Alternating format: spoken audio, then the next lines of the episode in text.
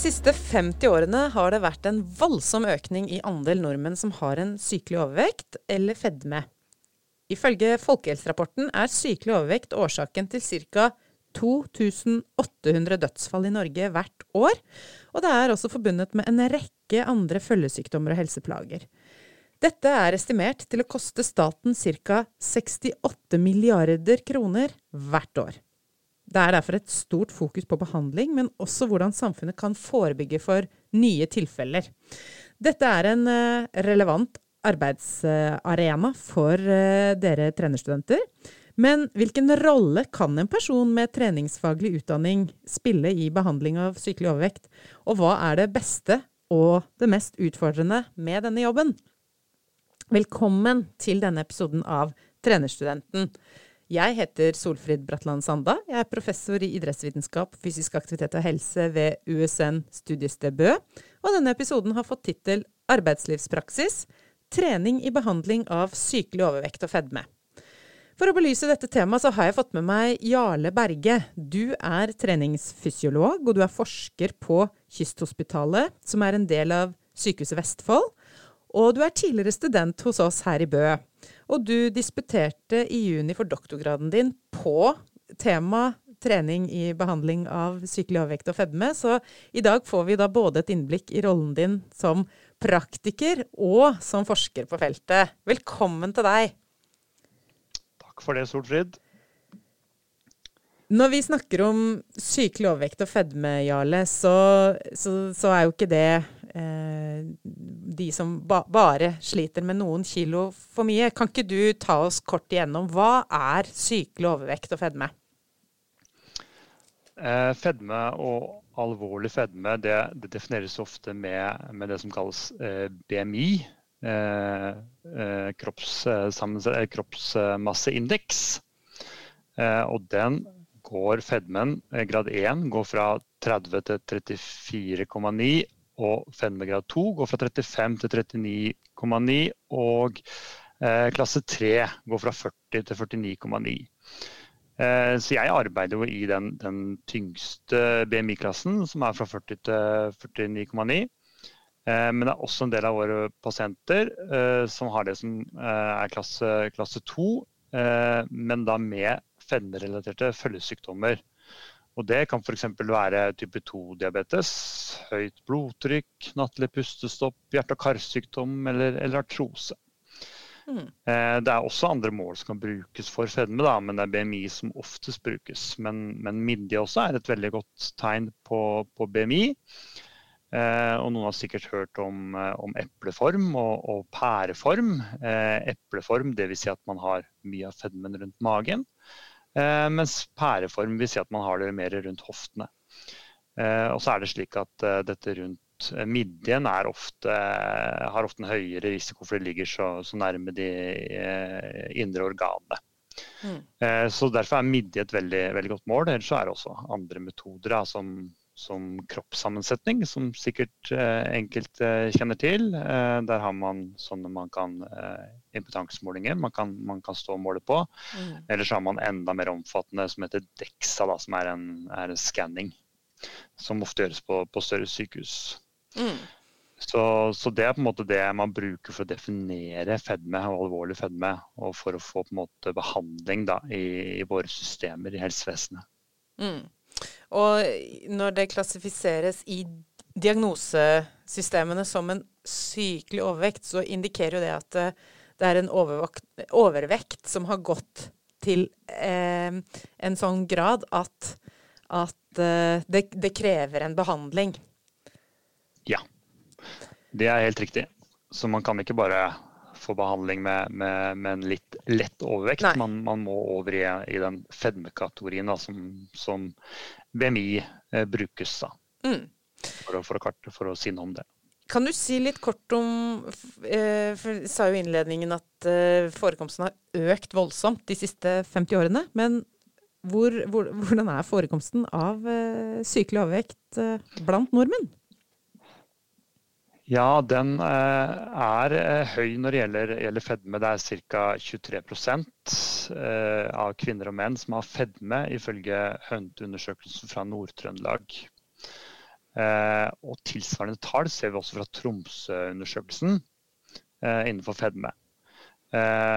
Men skal nevnes også at det er en del da, som har eh, overvekt. Og det eh, ligger på rundt 50% så halvparten av, av eh, nordtrønderne og de i Tromsø har overvekt. Og så er det jo selvfølgelig spørsmål om de etter hvert kommer over i kategorien fedme. da. Mm. Eh, og det er eh, de, de undersøkelsene som er gjort der, er tall fra 2017 til 2019. Mm. Og så er det jo sånn at vi spekulerer vi litt av i hvordan tallene vil være i fremtiden, også med tanke på, på denne situasjonen vi har vært gjennom da, med covid. Mm. Fordi mange har jo også blitt, uh, blitt isolert uh, i mange år. Uh, eller ikke mange år, men i hvert fall gjennom den covid-perioden. Så spørsmålet er jo om det er en betraktelig økning i fedmen nå i forhold til hva det var i 2019. Men det, det får vi for, forhåpentligvis svar på i, i fremtiden. Mm. Og så er det også viktig å si at det er, at det er ulikt da, eh, graden av fedme i deler av, av, Norge. Men vi bruker ofte HUNT-undersøkelsen i Nord-Trøndelag og Tromsø-undersøkelsen som et grunnlag. Eh, selv om vi kan ikke si at det gjenspeiler hele Norge, men, men, det er ofte der, det er der man gjør de store undersøkelsene. Mm.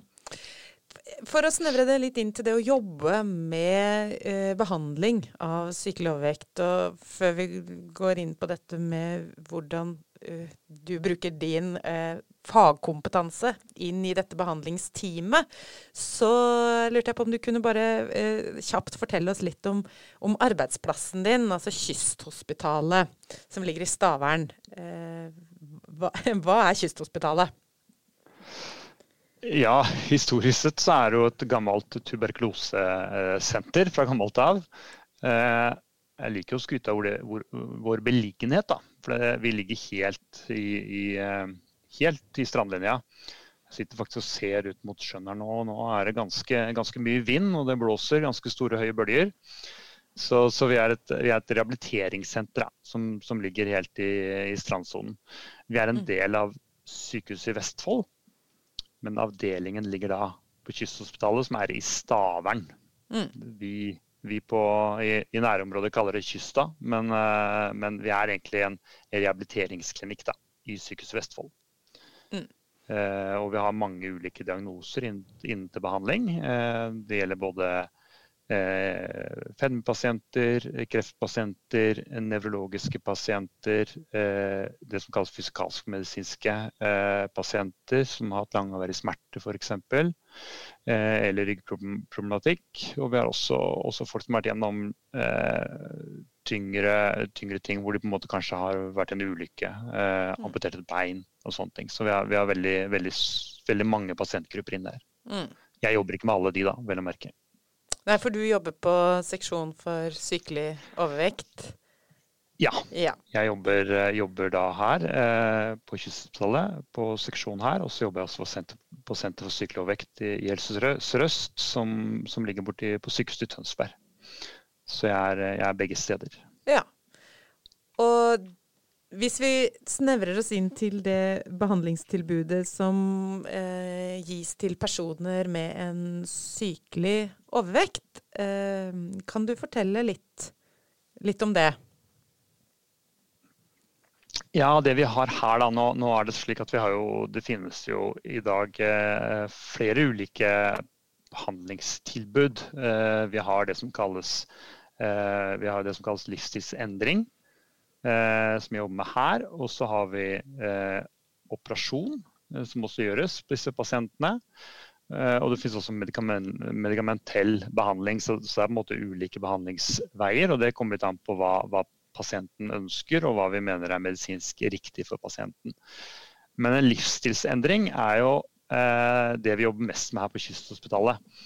Og det er en veldig eh, fin ting å jobbe med fordi det er på en måte eh, Det er en endring du skal gjøre du, som du kan gjøre og leve med resten av livet.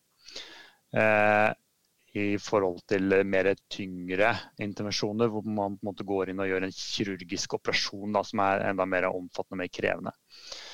Eh, så det vi gjør her, er at de er inne i, i ti uker eh, med dagbehandling. To halve dager i uka. Det vil Si at de kommer hit da, og så reiser hjem etterpå. Så de, de, blir ikke innlagt. De ligger ikke inne her, men de mm. kommer til konsultasjoner. Så da har, vi, da, har en, da har vi, litt undervisning med dem. Hvor vi har gruppeundervisning. Det er ikke at vi har gruppeundervisning hvor vi står bare og prater. Men, men vi arbeider med å få refleksjoner og dialoger. og, og få skapt en gruppedynamikk som gjør at man kan prate om sine utfordringer. Da. Fordi ofte så er det, er det god effekt av det å, å, fortelle om hva man sliter med og hva som er problemet. Eh, og dele med andre og høre andres erfaringer. Så, så halve dagen er da, eller store deler av halvdagen er da undervisning. Eh, og vi har også noe undervisning innenfor ernæring eh, og trening. Eh, samt en del rekke følgesykdommer rundt dette med fedme. Men vi har også en fysisk økt da, eh, på slutten av dagen som er, eh, som er trening. Da, hvor vi, vi, har felles trening med de. Mm. Så det er det vi gjør de første ti ukene. Og så er det slik at seinere, etter de ti ukene, så kommer de inn til individuelle treff. Dvs. Si at de kommer til samtaler med en behandler her i teamet vårt. Hvor vi prater med pasienten og arbeider sammen med pasienten for å, å få pasienten til å gjøre en livsstilsendring. Da. Det kan være alt fra store ting til, til små ting. Eh, men ofte det å jobbe med å, å få lagt inn eh, rutiner og klare å ha, ha fokus da, på, på, det man skal gjøre for å få endra livsstilen sin, Eh, som igjen medfører en, skal medføre til en vektnedgang. Så det gjør vi da eh, den eh, i ni og en halv måned, sånn at de er inne til behandling totalt i ett år. Mm. Og det vi også gjør da, mellom disse, disse, målingene vi gjør det, eller mellom disse eh, periodene, er at vi ved start og ved eh, ti uker og ved ett år så gjør vi en del kartlegginger på, det, kartlegginger på pasientene. Fordi disse pasientene er er samtidig en del av et forskningsprosjekt eh, som vi kaller Lifetime. Eh, hvor vi ønsker å se på effekten av behandling på ulike mål. Så Derfor gjennomfører vi kondisjonstester, eh, også kalt Max-test. Eh, vi gjør maksimale beinpress, og vi registrerer eh, kostholdet deres. Vi samler inn livskvalitetsskjemaer og en rekke andre bakgrunnsopplysninger. Mm. Så, så, vi henter inn masse opplysninger også som vi bruker i forbindelse med forskning. Da. Så her går eh, forskning og, og, klinikk går hånd i hånd. Ja, det skal vi komme litt tilbake til. Det, det, det som eh, du beskriver er jo et veldig sånn helhetlig og mangfoldig behandlingstilbud, egentlig. Det er veldig mange forskjellige komponenter. og eh, kan du si litt om hvor mange si, yrkesgrupper eller profesjoner som er del av et sånt behandlingsteam? Hos, de, hos dere, ja. da? Ja. Det er jo en sammensatt diagnose. Så det er ikke, det er ikke så enkelt å, som, som, veldig mange tror, at det er bare å spise litt mindre og trene litt mer.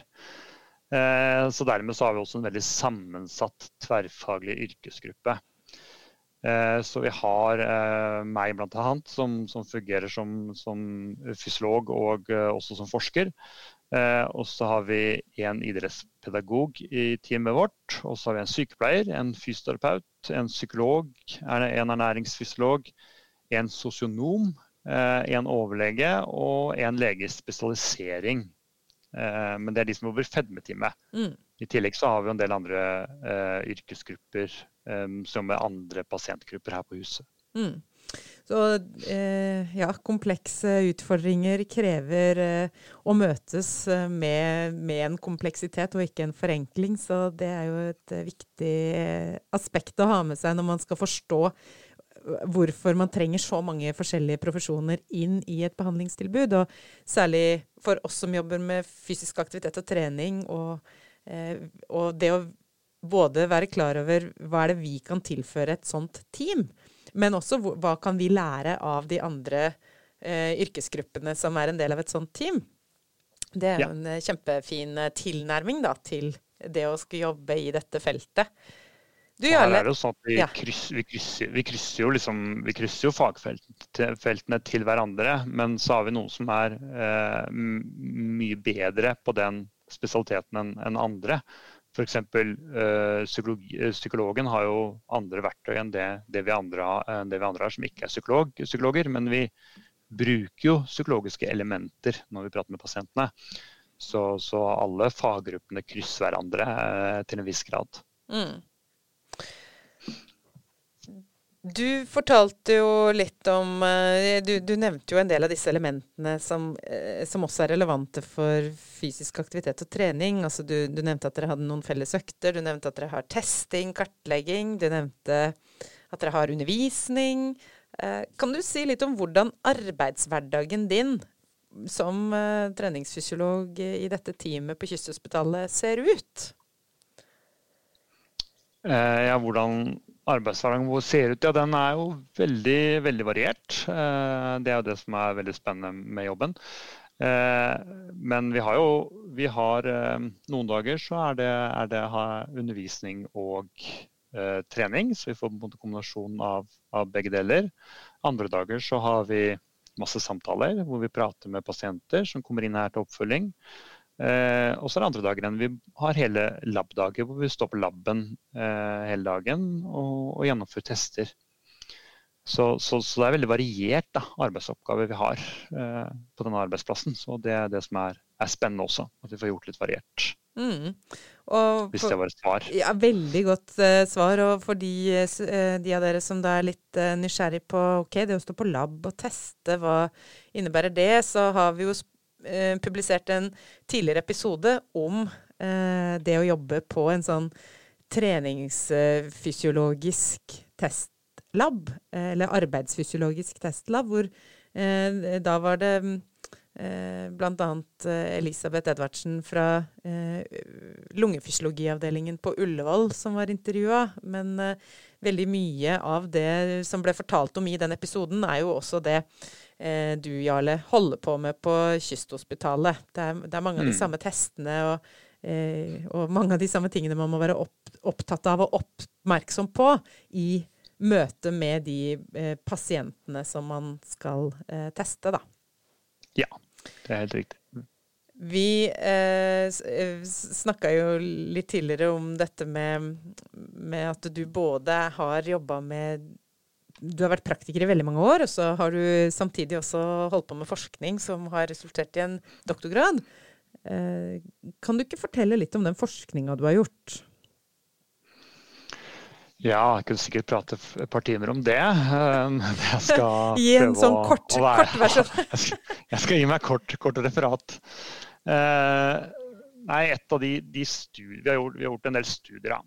Eh, og en av de studiene vi har gjort på pasienten som har vært inne til behandling her, eh, hvor vi har kartlagt eh, kondisjon eh, underveis i behandlinga, så fant vi ut at kondisjon ved start av behandling predikerte en større vektnedgang etter tre måneder og ett år enn de som hadde en lav kondisjon.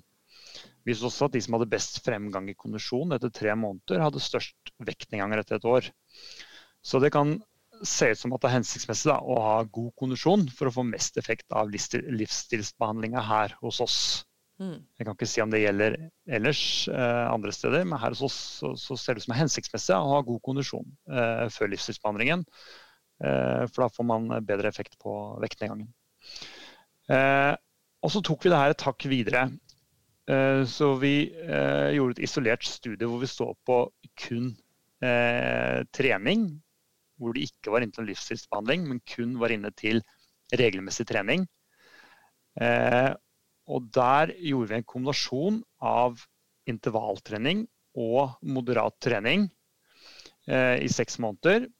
Eh, og så sammenlignet vi det med en gruppe som bare trente moderat trening i seks måneder. Og det vi så, det var at de som kjørte en kombinasjon av både intervalltrening og moderat trening, hadde en bedre vektnedgang enn de som bare trente moderattrening etter de seks månedene. Mm. Eh, så det ser i hvert fall ut som at intervalltrening eh, er også hensiktsmessig å, å legge inn i treninga for disse, disse pasientene. Eh, og Samtidig så fant vi også ut at, at trening Det var et annet, et annet, en annen artikkel vi har publisert på. At trening, uavhengig av intensitet, har positiv påvirkning på, på, livskvalitet. Den har jo du også vært med og, og publisert eh, på Solfrid. ja, det stemmer. Og det vi holder på, ja, og det vi holder på med nå, er at vi eh, har samlet inn data her fortløpende. Så nå holder jeg faktisk på i disse dager og ser på resultater som er innhenta fra klinikken fra 2017 til 2021. Så det kommer mer spennende data i fremtida. Mm.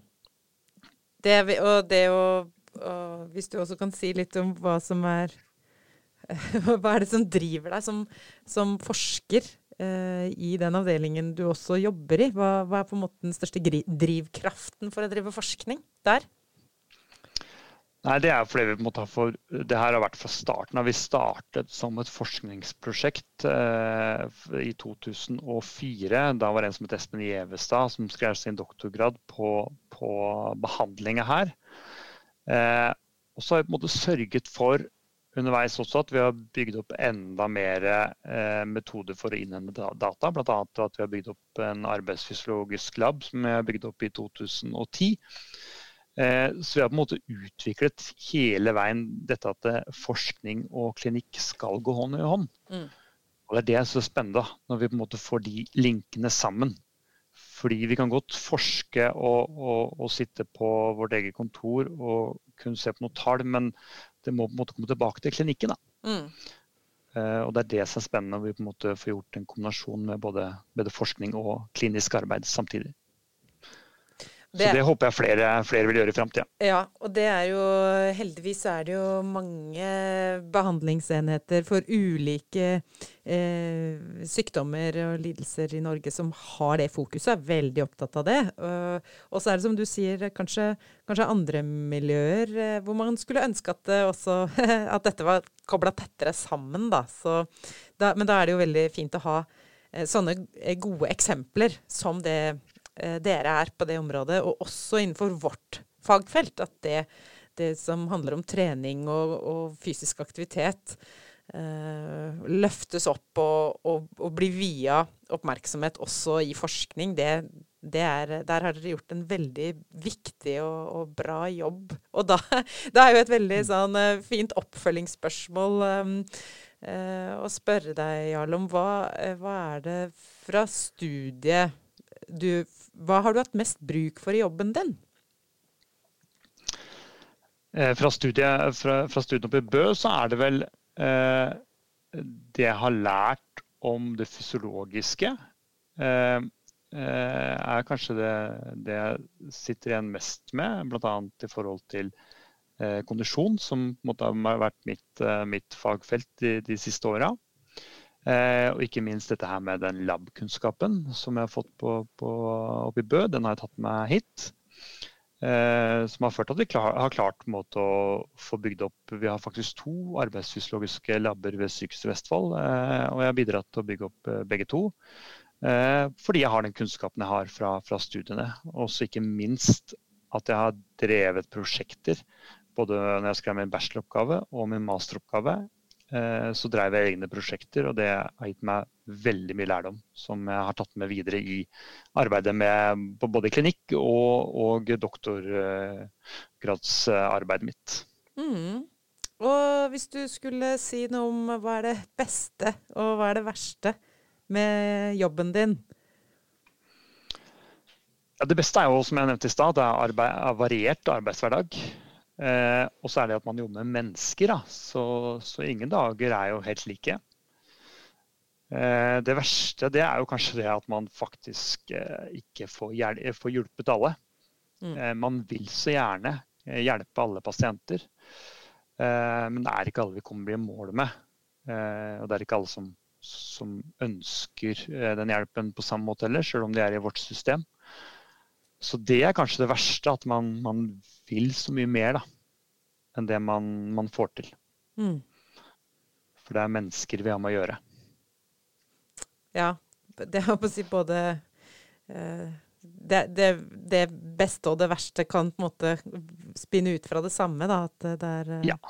Eh, de menneskemøtene og de, de Eh, det, det, kjenner vi jo igjen i fra eh, tidligere episoder og andre som jobber eh, andre steder, som også nevner det samme som du nevner, Jarl, at det er alltid veldig veldig givende, særlig der det, man merker at det er, det er, progresjon, og man merker at man når inn og man får til ting sammen med pasienten. Og så er det, så er det kanskje ekstra krevende å stå i de litt sånn krevende tilfellene som, av, hvor det av ulike årsaker ikke nødvendigvis er progresjon, kanskje til og med tilbakefall. Så, mm. eh, så er det jo De er jo komplekse. Så det er, på en måte, det, på en måte, det komplekse er, det, er, at det er spennende, men mm. samtidig også frustrerende. Da. Mm. Fordi eh, det er så mange faktorer som påvirker eh, årsaken til at de er der de er. Mm.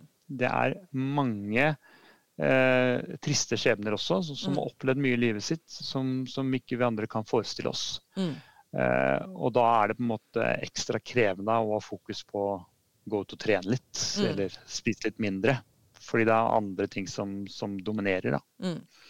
Og bare det Så, å ha den kunnskapen i møte med den gruppen, for det er jo en del studier som også eh, har vist dette med vekt stigma i helsevesenet. At en del av de som har en sykelig overvekt eller uh, fedme, opplever uh, seg veldig stigmatisert i møte med helsepersonell eller helsevesenet. Og det å, det å klare å møte de personene uh, på en annen måte, da. Uten ja. uten det stigmaet. Rett og slett møte de med en respekt og, og ydmykhet for mm. eh, hva de kan ha opplevd, og hva de står i. Hva er det som har gjort at de har kommet eh, dit? Eh, eller at eh, livet har tatt den retningen det har gjort. Mm. Da klarer vi å ha med oss den ydmykheten inn i det møtet med egentlig alle menneskene vi jobber med. Så har jo vi også da, da, bidrar jo vi med noe veldig viktig inn til et behandlingsteam. Eh, som vi vet at i seg selv kan være eh, en viktig premiss for bedring i et behandlingsforløp. da. Ja, jeg tenker det er veldig viktig å ha kunnskapen om, om pasientgruppen, og så er det å være medmenneske. Mm.